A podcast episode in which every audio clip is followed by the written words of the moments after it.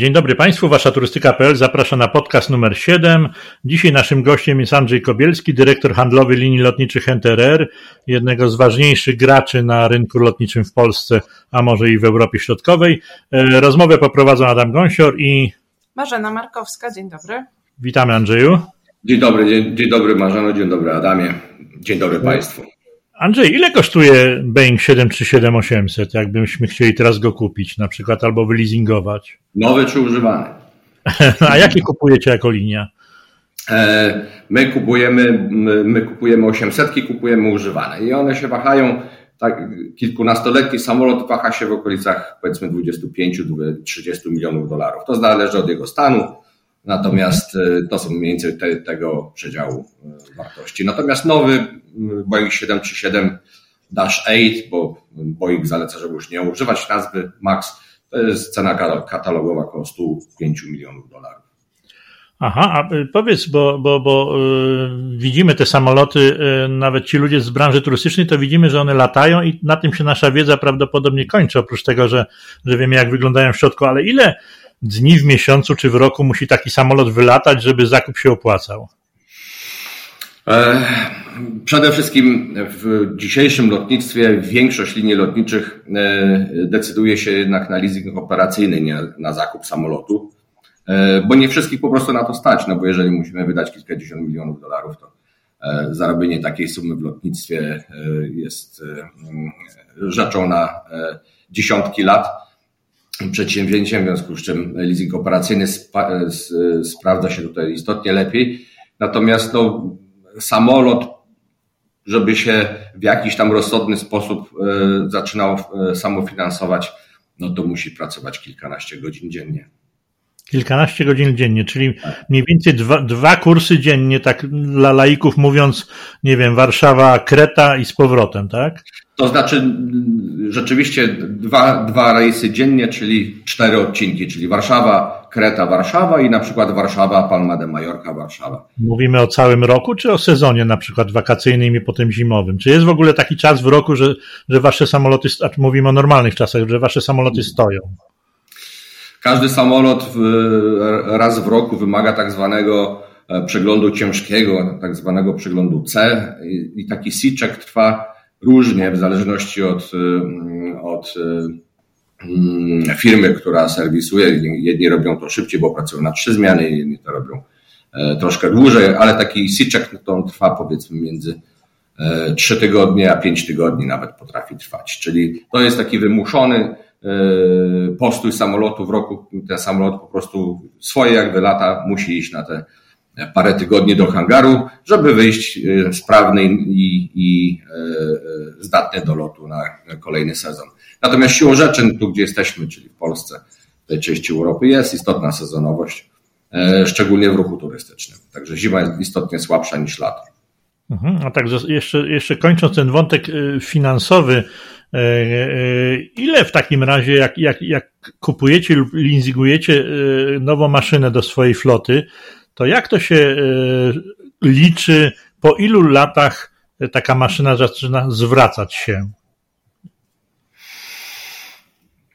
Odpowiem tak. Jeśli to nie jest tajemnica handlowa. No, jesteśmy spółką giełdową, więc nasze wyniki są mhm. są dostępne, aczkolwiek to są, to są raporty finansowe. E, powiem tak, e, marża w, na przelotach w tej, tej części Europy to jest kilka procent i to takie kilka niskie procent, czy mówimy o jakichś tam dwóch, trzech, czterech procentach. Łatwo sobie policzyć, ile lat trzeba pracować tym samolotem, żeby, żeby 100% się zwróciło. Ale one nie mają takiej trwałości, rozumiem, 50-letniej. No nie, nie, nie zamierzacie ich trzymać 50 lat? Nie mają. Samoloty w tej chwili chyba e, najstarsze samoloty mają, e, mają przewoźnicy sieciowi. E, ta, ci duzi, starzy typu Lufthansa, no to tam jeszcze przed pandemią, pamiętam, no to leciałem samolotem Boeing 7 czy 7500 już praktycznie nie, E, nie, nieużytkowanym, no to on pewnie miał około 30 lat i to jest chyba taki moment, kiedy e, mhm. samolotem się trzeba rozstawać. No jak łatwo się domyśleć, to te, te pytania były wstępem do, do, do rozmowy o, o, trudnych czasach, bo jak ludzie posłuchali ciebie yy, i tych liczb, które wymieniasz, a jeszcze mnożą to przez złotówki, więc pewnie zawrotów głowy dostają, E, patrzę, tak na, tak, tak patrzę na faceta, który nie, nie, nie siedzi goły, e, e, tylko w marynarce. Powiedz mi, jak. Słyszą go zasadzie.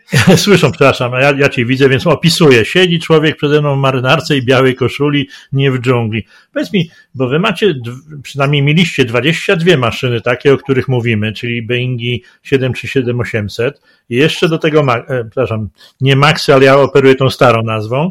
Jak Wam się udało przeżyć e, rok 2020? Mm, to wynika trochę z e, tego, że nasza firma jest uszyta do bardzo elastycznego modelu. My powstaliśmy w kryzysie. My powstaliśmy w 2010 roku, kiedy mm, świat lotniczy po wydarzeniach Lehman Brothers dostał zadyszki. Wtedy nam się wydawało, że sporej. E, teraz już wiemy, że to była e, malutka falka, która nikomu nie zrobiła krzywdy, natomiast no rzeczywiście e, zachwianie rynku wtedy było i myśmy jak powstawali, no to nasza koncepcja funkcjonowania i cała struktura organizacji właśnie była uszyta pod kryzys. No jak ten kryzys się teraz pojawił, no to rzeczywiście bardzo szybko zareagowaliśmy. Ja nie mówię, że nas nie dotknął, uderzył w nas przepotężnie, natomiast, natomiast no, zrobiliśmy to, co mogliśmy zrobić i zrobiliśmy naprawdę w ciągu kilku dni. Pamiętam jak dzisiaj, to jest lekko ponad rok temu, jak 13 marca został ogłoszony całkowity lockdown Polski i Europy. E, to był piątek. Zjechaliśmy się koło 20 do firmy wszyscy i ustaliliśmy, co robimy. Zamroziliśmy firmę, do, uzgodniliśmy z lesorami, no, że w jakiś sposób musimy w tej chwili, e, tak jak siebie hibernujemy, no to za, zahibernować nasze wzajemne rozliczenia i wrócić do nich, kiedy e, zaczniemy latać. Pracowników przenieśliśmy na postojowe, zostawiliśmy tylko grupę aktywnych e, ludzi, niewielu, którzy pozwolili nam na to, że E, paradoksalnie, kiedy wszyscy stali, linie lotnicze nie latały, to myśmy wykonywali operacje lotnicze. A to z tego tytułu, że mm, pojawiło się zapotrzebowanie, które my realizowaliśmy. To były e, wojska, to były służby Czerwonego Krzyża, to byli marynarze, to byli służby porządkowe, policjanci których woziliśmy w różne części świata. Odwiedziliśmy Amerykę Południową, Afrykę Południową, Afrykę Środkową, byliśmy w Manili, byliśmy w Hongkongu e, naszymi e, samolotami 737-800, zaznaczam, czyli samolotami średniodystansowymi. E, no i to, powiem szczerze, no pozwoliło nam utrzymać jakieś minimalne obroty i cash flow odpowiednio, dzięki czemu mieliśmy na e, spłacanie bieżących zobowiązań i wypłacanie pensji pracownikom.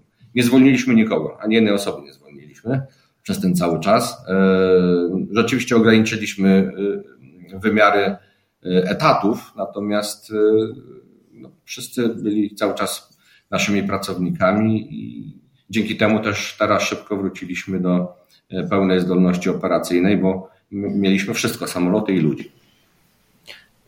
Czyli Gdybyśmy chcieli porównać to, jak rok temu e, wyglądała Wasza firma, e, z tym, co mamy teraz, to czy, czy się skurczyła, czy się, nie wiem, e, zmniejszyła, o ile procent i w, w jakim w ogóle zakresie byliście w stanie przez ten ostatni rok z hakiem wykorzystywać swoje zasoby? W, w jakiej części? Nie wiem, 15%, 20%, 80%?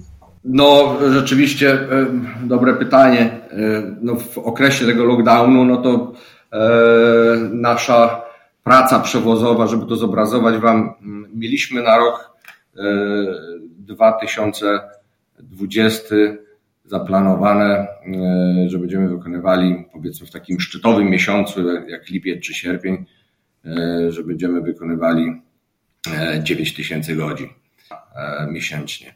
Natomiast na przykład w czasie kwietnia czy maja wykonywaliśmy ich 300. więc to pokazuje skalę. Wtedy rzeczywiście niewiele się działo. To była tylko i wyłącznie kroplówka, która szczęśliwie się pojawiła i wykorzystaliśmy tę szansę i to była kroplówka, która pozwalała nam cashflowowo funkcjonować, natomiast to jest jasne, że zobowiązania za te 22, 22 800 i 20 i, i 2 Boeingi 737 Dash 8, no to one, wiadomo, że one nie znikły, one się przesunęły tylko w czasie. Także e, zima nie była zła, wykonywaliśmy gdzieś tam w okolicach 25-30% mm, naszych operacji sprzed pandemii, e, co w skali branży no, jest nadal wynikiem niezłym, no bo e, cała branża jest gdzieś tam na poziomie spadku między 80 a 90%. My mieliśmy ten spadek 60 parę, 70%, więc e, to jest, to jest bardzo pozytywne. No i od miesiąca tak naprawdę zaczynamy iść w kierunku w kierunku wyższych cyfr, e, co nadal oczywiście e, powoduje, że to wykorzystanie zasobów środków trwałych, czyli tutaj myślę o samolotach, no nie jest takie, jak być powinno. To, co się stało mm, pozytywne i w czym trochę no, nie ingerowaliśmy, bo powiedziałem, że nikogo nie zwolniliśmy, co nie, nie oznacza, że się nam nie zmniejszył, nie zmniejszyły się nam zasoby ludzkie, a to wynika z tego, że po prostu w zeszłym roku e, mijało 10 lat. Mieliśmy umowy e, z częścią e, kolegów, tudzież z pilotami czy z personelem pokładowym. Mieliśmy je odnawiane jako kontrakty pięcioletnie i one po prostu wygasły akurat. Więc ich nie, odnawialiśmy. Teraz to czynimy, kiedy wracamy do, do wyższego, wyższego sezonu letniego i wracamy do latania. Jaki ten powrót będzie, no to E, pewnie jeszcze sobie powiemy, e, bo scenariuszy jest wiele. Natomiast rzeczywiście teraz z powrotem zapraszamy tych ludzi do współpracy z nami. I ten fakt, że mieliśmy mniej, mniej ludzi, e, bo było istotnie mniej latania, no też nam pomógł, pomógł przetrzymać ten okres, głównie jeśli chodzi o, o zapotrzebowanie na gotówkę. Użyłeś słowa kroplówka, od razu mi się to skojarzyło z tarczami finansowymi, z których korzystaliście, tak? Przynajmniej z tej pierwszej.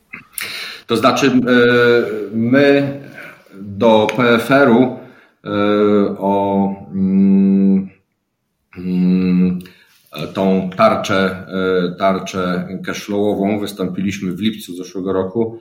Mm, no i chyba po prawie 8 miesiącach została nam, została nam przyznana i udzielona. Także to było miesiąc i trochę temu.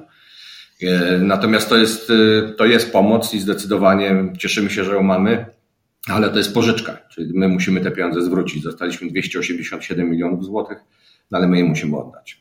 Chyba, że się uda jakąś część niewielką, e, część niewielką umorzyć. Czyli nie jest tak jak w przypadku małych i średnich firm, że ta tarcza będzie umorzona pod jakimiś tam nietrudnymi do spełnienia warunkami? Niestety nie, niestety nie. I tutaj jeszcze jeden element My e, lipiec i sierpień i, i wrzesień to były trzy miesiące, kiedy lataliśmy pewnie gdzieś tam na poziomie e, na poziomie 40% roku 19. E, natomiast te miesiące były dla nas rentowne i przez to my nie spełnialiśmy wymogu, który był narzucony, że musimy być nierentowni. Oczywiście w skali całego okresu pandemicznego jesteśmy wielce nierentowni, ale wtedy, kiedy e, składaliśmy papiery na, e, na tą pomoc na pożyczkę bezzwrotną, umarzalną, e, no to niestety tam nam wychodziło lekkie zero z plusem. No i to jak dobrze sobie radzicie chłopaki, to my wam nic nie damy. No i tak się to, tak się to potoczyło, więc dostaliśmy tylko teraz tę pomoc pożyczki w postaci. We wrześniu dokonaliście takiego zakupu, który pewnie zdziwił niezorientowanych, ale nie tylko ich, czyli zakupu symulatora lotów. Czy nie żałujecie tego zakupu? On wam się przydał? Y, był używany w ciągu tych miesięcy od września? E, tak, tak. Symulator akurat to, to była nasza decyzja, myśleliśmy o tym już dość długo. E, no, trzeba pamiętać, że my mm, e, Ma, mieliśmy prawie 200 pilotów, którzy co roku muszą mieć odnawianą licencję, co roku muszą przechodzić szkolenia symulatorowe, sesje symulatorowe.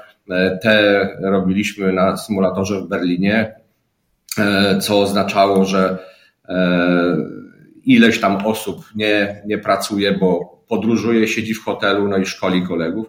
E, dojazd na symulator do Berlina dla instruktora plus e, szkolących się pilotów to kolejne dni.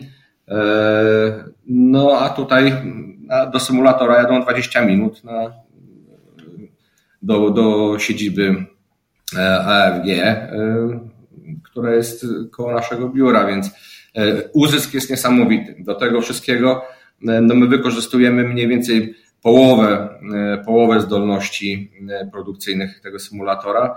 No i już dwie linie lotnicze w tej chwili z niego korzystają oprócz nas. E, także już teraz będziemy na pewno na, na tym symulatorze nieco zarabiali, bo my sami jakby w zasadzie zerujemy, zerujemy koszt tego symulatora. No i wszystko co więcej to jest jakimś tam uzyskiem. No a mamy, mamy swój najnowocześniejszy w tej chwili w świecie są trzy w Europie takie, jeden jest w Madrycie, jeden jest w Rzymie i trzeci jest w Warszawie.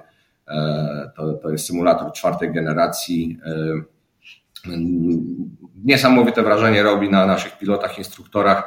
No i, i nawet na, dla mnie jako laika, jak pamiętam, wchodziłem do, do pomieszczenia, gdzie był symulator, to hałas był nieprawdopodobny, śmierdziało tym E, olejem z siłowników, a tu jest wszystko na elektromechanizmach, tak ten symulator jest przecichy, po prostu go nie słychać, on się porusza, robi to płynnie, no i, i, i także odtworzenie jest absolutnie, jak mówią koledzy, jeden do jeden.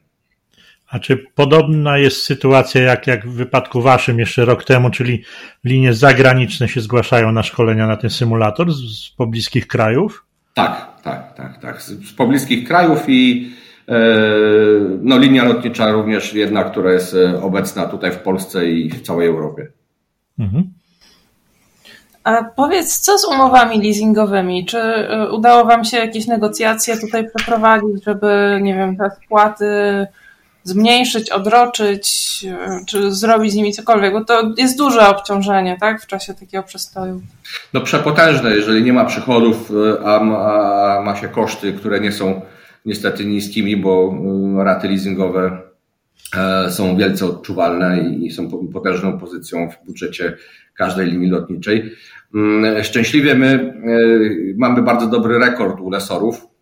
E, zawsze pilnowaliśmy, żeby, żeby nie spóźniać się z płatnościami, więc mało tego, teraz jak troszkę lataliśmy, mm, to nawet mówiliśmy lesorom, słuchajcie, dobra, domówiliśmy się co do E, tego, w jaki sposób będziemy prolongowali, e, prolongowali mm, płatności za, e, za raty w okresie, kiedy nie lataliśmy albo lataliśmy w sposób ograniczony.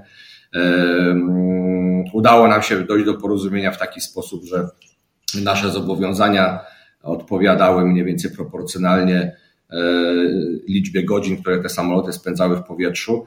E, no i to pozwoliło nam na to, żeby utrzymać e, neutralny cash flow, żeby nie, nie wykrwawiać się z pieniędzy, e, ale Sorze z kolei byli szczęśliwi, bo myśmy im płacili za tak zwane rezerwy remontowe.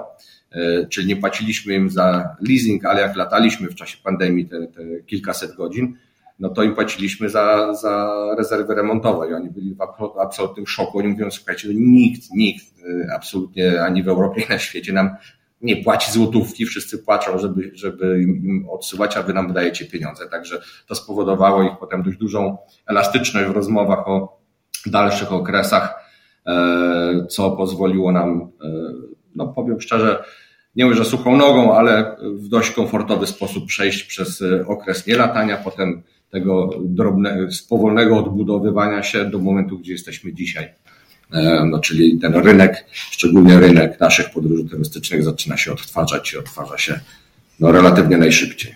No właśnie, ostatnio y, słyszałam od osoby z branży takie zdanie, najgorsze mamy za sobą. Zgodziłbyś się z tym? Mm. Y, ja w sumie też tak bym chciał myśleć i co do zasady jestem optymistą.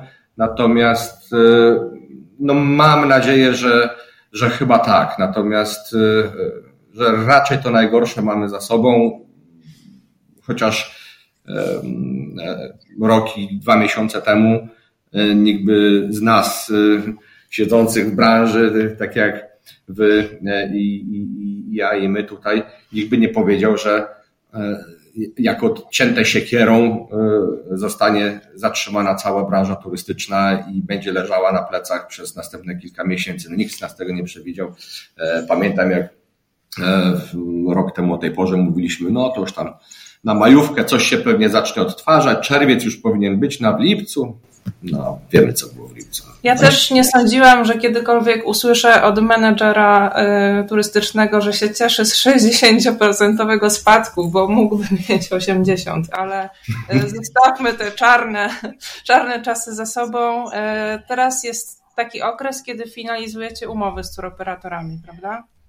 E, tak, to jest właśnie taki paradoks, bo pewnie o tej porze e, w normalnych czasach to byśmy zamykali umowę na rok 2022, a my cały czas grzebiemy w 2021, no ale to niestety wynika z tego, że e, jeszcze dwa miesiące temu nastroje były bardzo minorowe i nikt nie wiedział, nie był w stanie przewidzieć, jak ten rynek się będzie odbudowywał.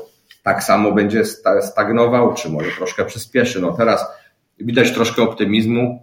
E, to myślę, że jest związane ze wszystkim, że nasi pasażerowie, potencjalni turyści już e, po roku mają dość i już e, bardzo chcą gdzieś się wydostać.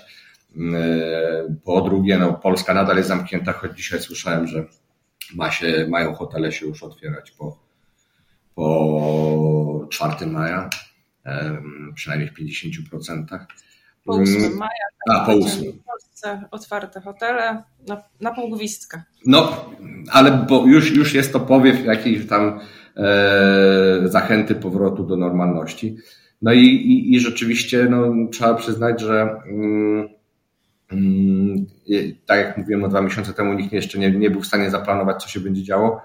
Natomiast teraz no, rzeczywiście można stwierdzić, że to najgorsze za nami. No i pytanie, jak to dalej się będzie E, będzie rozwijało. No i umowy niestety dopiero teraz zamykamy umowy na rok 2021, no więc tak, tak niestety anomalia, ale te umowy e, przynajmniej są i widać, że wola walki o, o odbudowę rynku jest zarówno po stronie naszej, jak i turoperatorów. Na podstawie tych umów, jak będzie wyglądał ten sezon? Czy to będzie taki sam sezon jak poprzedni? Czy dodaliście rejsy? Czy, czy jest więcej kierunków? Hmm.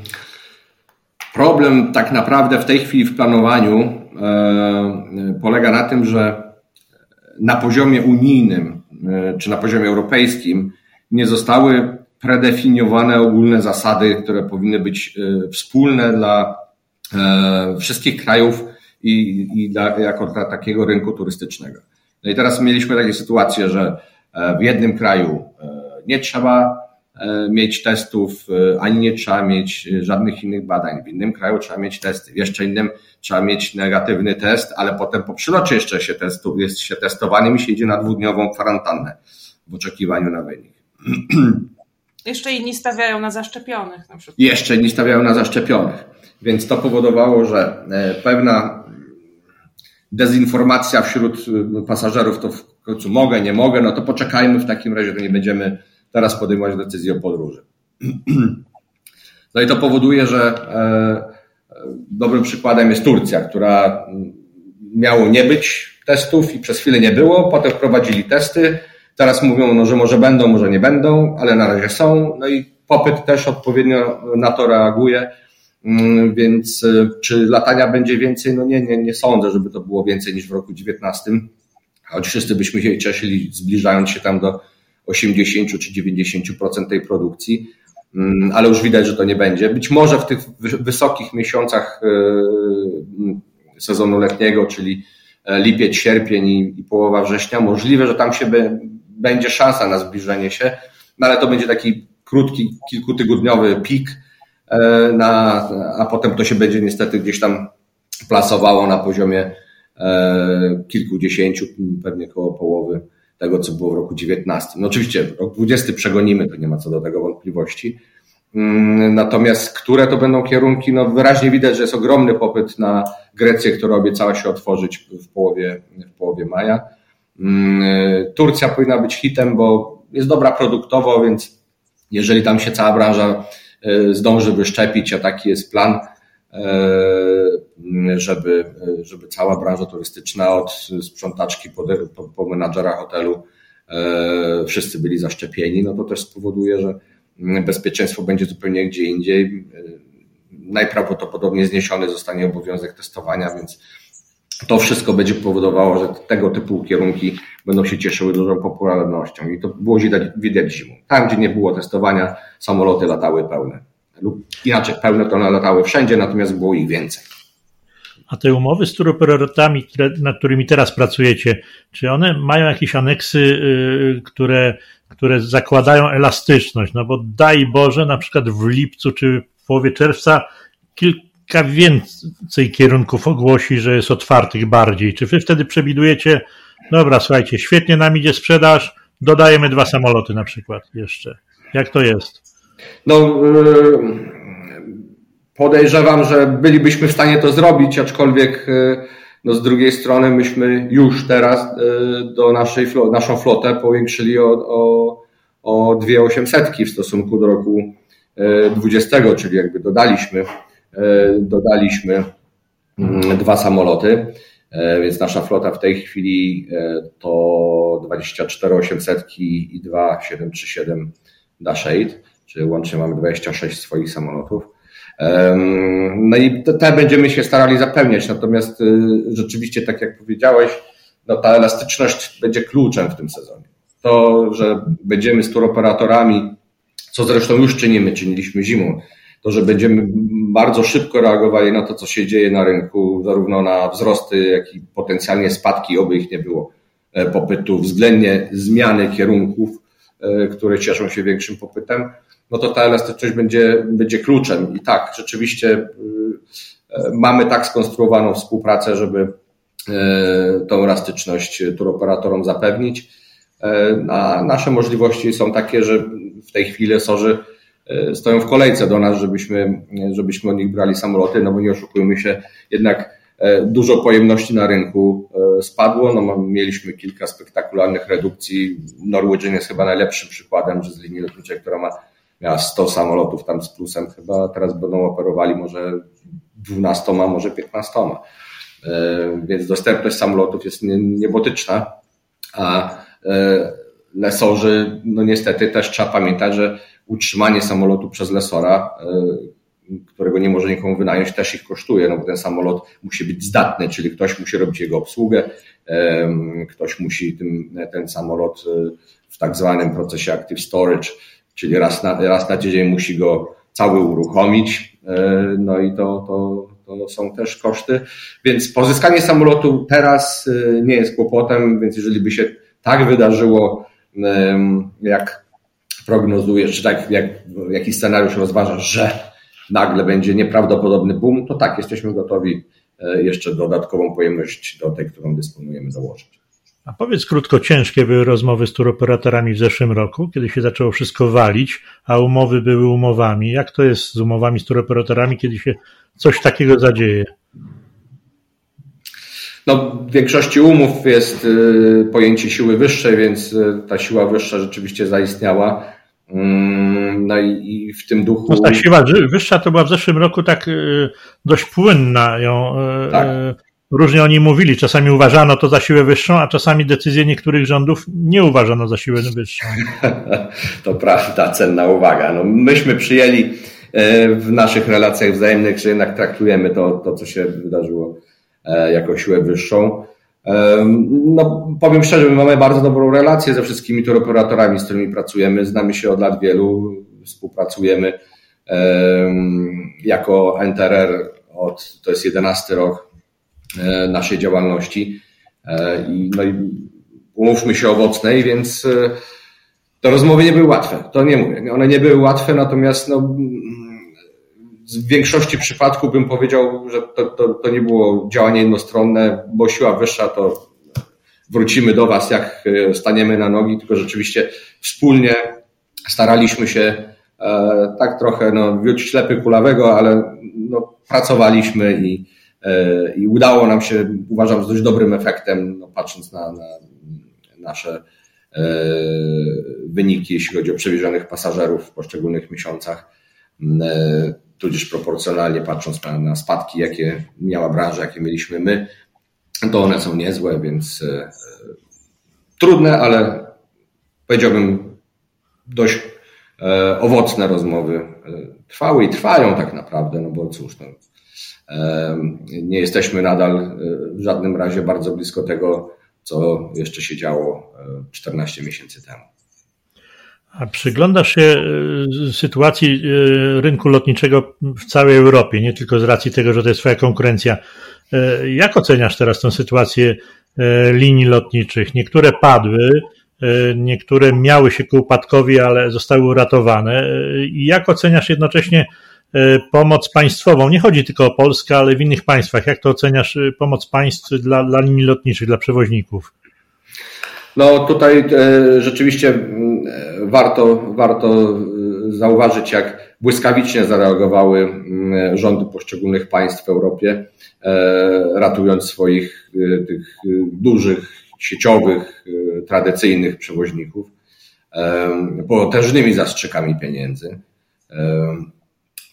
To jest inna sprawa, czy te organizmy gdzieś tam się przepoczwarzyły i dostosowały się do tej sytuacji, bo jeżeli nie, no to mamy sytuację, kiedy tam e, kolejne, kolejne wnioski o kolejne e, transze pomocy, czy kolejne pożyczki są, e, pojawiają się, no bo ten rynek niestety jest bardzo słaby. My operujemy, oprócz Polski, jesteśmy obecni na rynku francuskim, hiszpańskim, brytyjskim, czeskim i izraelskim oraz od zeszłego roku na szwajcarskim.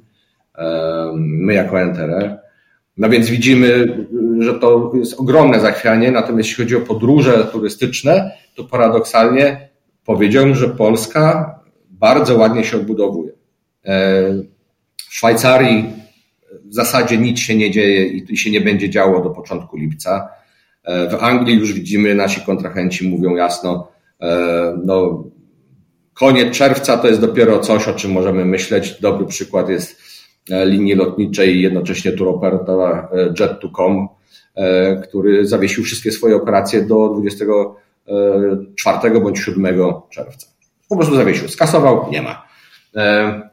We Francji wszystko na razie stoi. Liczymy, że zaczniemy może pod koniec maja jakieś tam pojedyncze rejsy wykonywać dla turoperatorów. Hiszpania w zasadzie znikła kompletnie, więc sytuacja w Europie, e, powiedziałbym, jest dużo mniej ciekawa niż paradoksalnie w, u nas w Polsce. A czy linie prywatne, e, gdybyś miał porównać waszą linię do innych linii prywatnych w rynku europejskiego, w jakiej sytuacji się znalazły? Gorszej, lepszej? Lepszą pomoc dostały państwową na przykład, czy gorszą? E, no, żeby nie wymieniać z, z imienia to taki nasz odpowiednik w tej części Europy e, z południowej granicy, mm, no dopiero chyba parę tygodni temu dostał e, zgodę i zabezpieczenie przez państwo pożyczki, którą e, otrzymają od konsorcjów bankowych. Więc, a do tej pory musieli się mierzyć z tym, że ich operacje lotnicze praktycznie nie istniały przy czym mają istotnie większą flotę, więc mm, jest kilku innych przewoźników, którzy rzeczywiście widać, że są w trudnej sytuacji, czy to z e, e, Łotwy, czy, czy z Litwy, czy we Francji, jak patrzymy na, na naszych bezpośrednich konkurentów, no to mają bardzo trudną sytuację. Mm, natomiast e, rzeczywiście w krajach Europy Zachodniej ta pomoc rządowa była, była dość szybko udzielana, co na pewno im pomogło. Natomiast pytanie znowu o model biznesowy i, i, i na ile e, mało e, kapitałochłonne, czy bardziej cashowochłonne e, są te formacje w porównaniu z nami. No to rzeczywiście to, co mówisz o polskim rynku, wracając do, do naszego podwórka, się mniej więcej zgadza z badaniami nastrojów konsumenckich. Podobno Polacy najbardziej w Europie chcą wyjeżdżać. I kiedy startujecie? Czy już maj będzie tym miesiącem, kiedy można powiedzieć, że sezon się rozpocznie? E, no tak, tak liczyliśmy na to i rzeczywiście plany na, na maj, początek czerwca mieliśmy dość ambitne, natomiast no niestety rzeczywistość nam je e, pokrzyżowała. E, Grecja się nie otworzyła, Grecja powiedziała dopiero połowa maja. No teraz zresztą mają święta Wielkiej Nocy w tym tygodniu, więc to jest wielkie wydarzenie na tamtym rynku, w tamtym kraju. Tunezja, na którą też e, liczyliśmy, no niestety e, przesunęła się, a siłą rzeczy maj e, strukturalnie jest miesiącem słabym, oprócz majówki, która była takim koniem pociągowym i zachętą, aby otwierać, otwierać sezon i potem tym, co się udało wypracować w czasie majówki, no to żywić kolejne dwa czy, czy trzy tygodnie maja. E, to tak teraz wydaje mi się, że po prostu e, siłą rzeczy ten start sezonu się przesunie. On jest, teraz jakieś tam operacje wykonujemy, natomiast jest to istotnie mniej niż planowaliśmy pierwotnie. I myślę, że tak dopiero połowa czerwca to będzie e, zauważalne wzmożenie podróży Polaków za granicę na wakacje. Ale tych kierunków jednak trochę będzie. Czy są kraje takie, które przewidujesz, że będą kompletnie zamknięte i niedostępne z tych takich bardzo popularnych kierunków wakacyjnych, czy w porównaniu z, e, z tym, co mieliśmy przed pandemią, jednak wszystkie kierunki będą w ofercie czarterowej? No, na, na, jeżeli bym się miał niepokoić, to chyba bym się najbardziej niepokoił o Hiszpanię kontynentalną, bo e, Kanary sobie bardzo dobrze poradziły zimą i e, myślę, że latem też będą e, chętnie, chętnie odwiedzane. No, wygląda na to, że rozwiązanie na, czy pomysł na to ma Grecja, więc ten kierunek nie powinien zniknąć. E, myślę, że naj, najbardziej chyba w kość może dostać e, Bułgaria i Albania, które były takimi ostatnimi gwiazdami w ciągu ostatnich kilku sezonów. No, myślę, że tutaj te kraje mogą mieć trochę mniejsze wzięcie. Natomiast no, nie chciałbym, żeby e, powrócił temat zamykania, no bo to w duży sposób znowu by uderzyło w e, całą branżę. No, miejmy nadzieję, że e, poziom wyszczepienia Europy spowoduje, że nie będzie takiej sytuacji, że będziemy znowu się mierzyli z opcją, że ten kraj będzie zamknięty, tam nie będzie dostępności, względnie będzie tak duża represyjność, jeśli chodzi o, czy restrykcyjność, jeśli chodzi o, e, o badania, o testy, kwarantanny, że ten kraj wtedy by zniknął z mapy destynacji. A czy y, naprawdę to tak działa, jest taka zależność, że tam, gdzie nie ma testów, tam w zasadzie jest możliwa turystyka czarterowa, czy, czy też jednak mimo tego, że wymaga się tych testów, to konsumenci już trochę się przyzwyczaili do nich, te testy są w ofercie turoperatorów e, nieco tańsze niż w firmach medycznych i to jednak e, jakoś jest możliwe, żeby realizować turystykę mimo tych e, wymaganych badań diagnostycznych. Mm, pełna zgoda, tu się absolutnie z Tobą zgadzam, że po pierwsze ludzie się już troszkę nauczyli, to tak jak był September 11, nagle nie można było mieć nożyczek, noża, własnego picia, buty nam kazano zdejmować. Y, no, mówiliśmy, co to jest, no, przecież to nigdy tak nie było. No to, I chyba w tym samym modelu mniej więcej teraz się znaleźliśmy, że ludzie, tak jak słusznie wspomniałaś, trochę się przyzwyczaili. Okej, okay, jest test, dobra, wiem, zrobię. Egipt jest dobrym przykładem, gdzie e, turoperatorzy jako pierwsi zaczęli organizować testy dla e, turystów. Egipt zniósł z kolei obowiązek wizowy, więc tak naprawdę wiza 30 dolarów, test na lotnisku 30 dolarów. No tak like for like, no tylko, że ktoś tam patykiem w nosie komuś dłubie. Natomiast e, mm, rzeczywiście to również, że powracając do Polski można w tej chwili zrobić szybkie testy, które są honorowane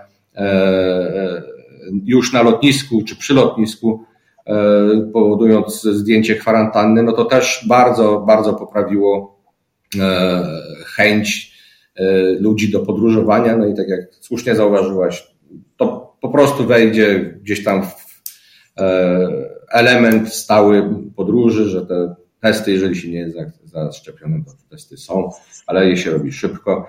No jedyne co rzeczywiście, jeżeli przyszedłby pełny sezon i, i by przylatywało mnóstwo samolotów, e, no to jest pytanie, czy infrastruktura wtedy się nie zatka, no bo przetestowanie kilku tysięcy ludzi na lotnisku no może się okazać bardzo czasochłonne, ale to jest, e, obyśmy mieli taki problem. A jaka jest Twoja opinia na temat pomysłu krążącego na razie w Unii, ale i w coraz większej ilości krajów, e, tak zwanego certyfikatu E, covidowego czy paszportu covidowego, gdzie byłyby zaznaczane automatycznie, e, czy jesteś szczepiony, czy przeszedłeś testy i byłoby to do sprawdzania no, no w telefonie lub na papierze oczywiście, ale miałoby to przyspieszyć, bo yy, krążą zdania, że za tym głównie są przewoźnicy, bo miałoby to właśnie przyspieszyć wszystkie procedury lotniskowe. Nie byłoby może tak jak ty mówisz, że kilka tysięcy musi się testować, bo ci z tak zwanym certyfikatem w komórce pokazywaliby dopiero po prostu do czytnika i spokój. Jaka jest Twoja opinia o certyfikacie? No ja, ja jestem jego gorącym zwolennikiem, jakkolwiek to nazwiemy, no, a ja ta pracuję nad takim kompleksowym rozwiązaniem, które się nazywa Travel Pass, żeby to było niezależne, nie, nie, niezależna czy aplikacja, czy system informacji, który właśnie, tak jak, tak jak słusznie zauważyłeś, jeżeli on będzie zunifikowany, e, skodyfikowany odpowiednio i dostępny, no to absolutnie ułatwi cały proces zarówno odprawy boardingu, jak i potem po przylocie, no i skróci i ułatwi. Natomiast tu jest problem inny, no to musi być niestety a spełniony warunek, żeby to było we wszystkich krajach E, tak samo predefiniowane, definiowane i potem odczytywane. No i dwa, muszą to zaakceptować rządy poszczególnych, poszczególnych krajów, powiedzieć tak, tak, ta informacja jest informacją, e, e, która spełnia nasze wymogi, jeśli chodzi o ocenę stanu e, danego podróżującego. No i jeżeli tak by się stało, no to uważam, że to będzie rozwiązanie właściwe dla wszystkich, bo nam zdejmie problem papierowania, bawienia się w jakieś dokumenty, passenger locator form. Wszystko będzie, wszystko będzie w tym jednym miejscu, tak? Ta, ta osoba jest e, zdrowa, zdatna, zaszczepiona albo ma ważne testy, kod QR szczytuje i idziemy. Procedura kilka sekund. No, Unia zakłada, że jeśli to ma wejść w życie, to wejdzie w trzeciej dekadzie czerwca, więc przed tym wysokim sezonem. Czy to pomogłoby Twoim zdaniem przewoźnikom i turoperatorom w pracy? Tak. No już no. powiedziałeś, że tak ułatwiłoby na lotniskach, ale czy na przykład Twoim zdaniem zwiększyłoby zainteresowanie podróżnych, tych przynajmniej zaszczepionych albo z testami? No, e, tak bym, tak bym to odczytywał, że to spowoduje zdecydowany wzrost zainteresowania e, i przede wszystkim e, zniesie niepewność co do tego, to czy ja jak teraz jak kupię tą wycieczkę, to czy ja polecę, czy nie polecę, czy ja kupię, zrobię rezerwację, to co ja będę musiał mieć, a zapomnę jakiegoś papiera, a mnie nie odprawią. Zniknie taki element mm, stresu, który może się w tej chwili wiązać z podróżą, e, że właśnie nie spełnimy jakichś wymogów formalnych. Tutaj będziemy mieli jasność, tak, skoro mamy to, tutaj się świeci na zielono, to e, kwestie formalne mamy z głowy, więc to powinno na pewno zachęcić ludzi do tego, żeby podróżowali więcej. Tak bym to ocenił. Wspomniałeś, że teraz strategie e, opracowujecie nie długofalowe, ale, ale minimalnie krótkofalowe, na, na, na zaraz, za, za miesiąc, ale zakładając, że COVID sobie pójdzie precz, czy macie taki plan B, że ok, wracamy do życia sprzed covidowego, że zaczynamy e, inwestować z jednej strony i planować nowe kierunki z drugiej strony. E, jak w ogóle będzie przyszłość tego rynku po covid wyglądała? E, również z uwzględnieniem tych wszystkich rzeczy, o których mówiłeś, czyli znowu powrotu do podróżowania, ale jednocześnie przyzwyczajenia ludzi do tego, że są pewne restrykcje higieniczne. No właśnie, to jest, e, to jest bardzo e, ciekawe pytanie, jak będzie wyglądała sytuacja po covid Pytanie, jeżeli on będzie trwał następne kilka lat w, tak, w takiej formule, w jakiej jest i te ograniczenia będą funkcjonowały, no to e, myślę, że zmieni się, zmieni się perspektywa ludzi co do, co do podróży. no, gdzieś tam socjologowie mówią, że mniej więcej około trzech lat potrzeba, żeby o, o, ludzie, osoby, społeczeństwa funkcjonujące w danym otoczeniu zmieniły swoje zachowania. Że przez rok czy przez półtora, nawet jak byliśmy ograniczani, byliśmy, nie mogliśmy tego, nie mogliśmy tamtego, jeżeli to zniknie, to wrócimy do mniej więcej do funkcjonowania podobnego, jak to było e, e, jeszcze przed, przed marcem roku 20. E, na pewno świat lotniczy troszkę się zmieni, no bo już widzimy, mm, już widzimy, że jednak ten, to funkcjonowanie zdalnej pracy, która no mam nadzieję, że gdzieś tam powrócimy wszyscy do, do biur, aczkolwiek widać, że w niektórych obszarach czy w niektórych branżach praca zdalna zupełnie dobrze zdaje egzamin. E, dalej, no to nawet jak my się teraz komunikujemy, e, no to sam w czasie lockdownu brałem udział w jakiejś tam konferencji, która miała się odbyć w Barcelonie. Miałem tam mieć e, udział w panelu, który trwał tam godzinę i 10 minut. No i musiałem polecieć do Barcelony dzień wcześniej, potem się spotkać z ludźmi, no niby fajnie, potem ten panel, no i pewnie następnego dnia bym wracał, czyli trzy dni.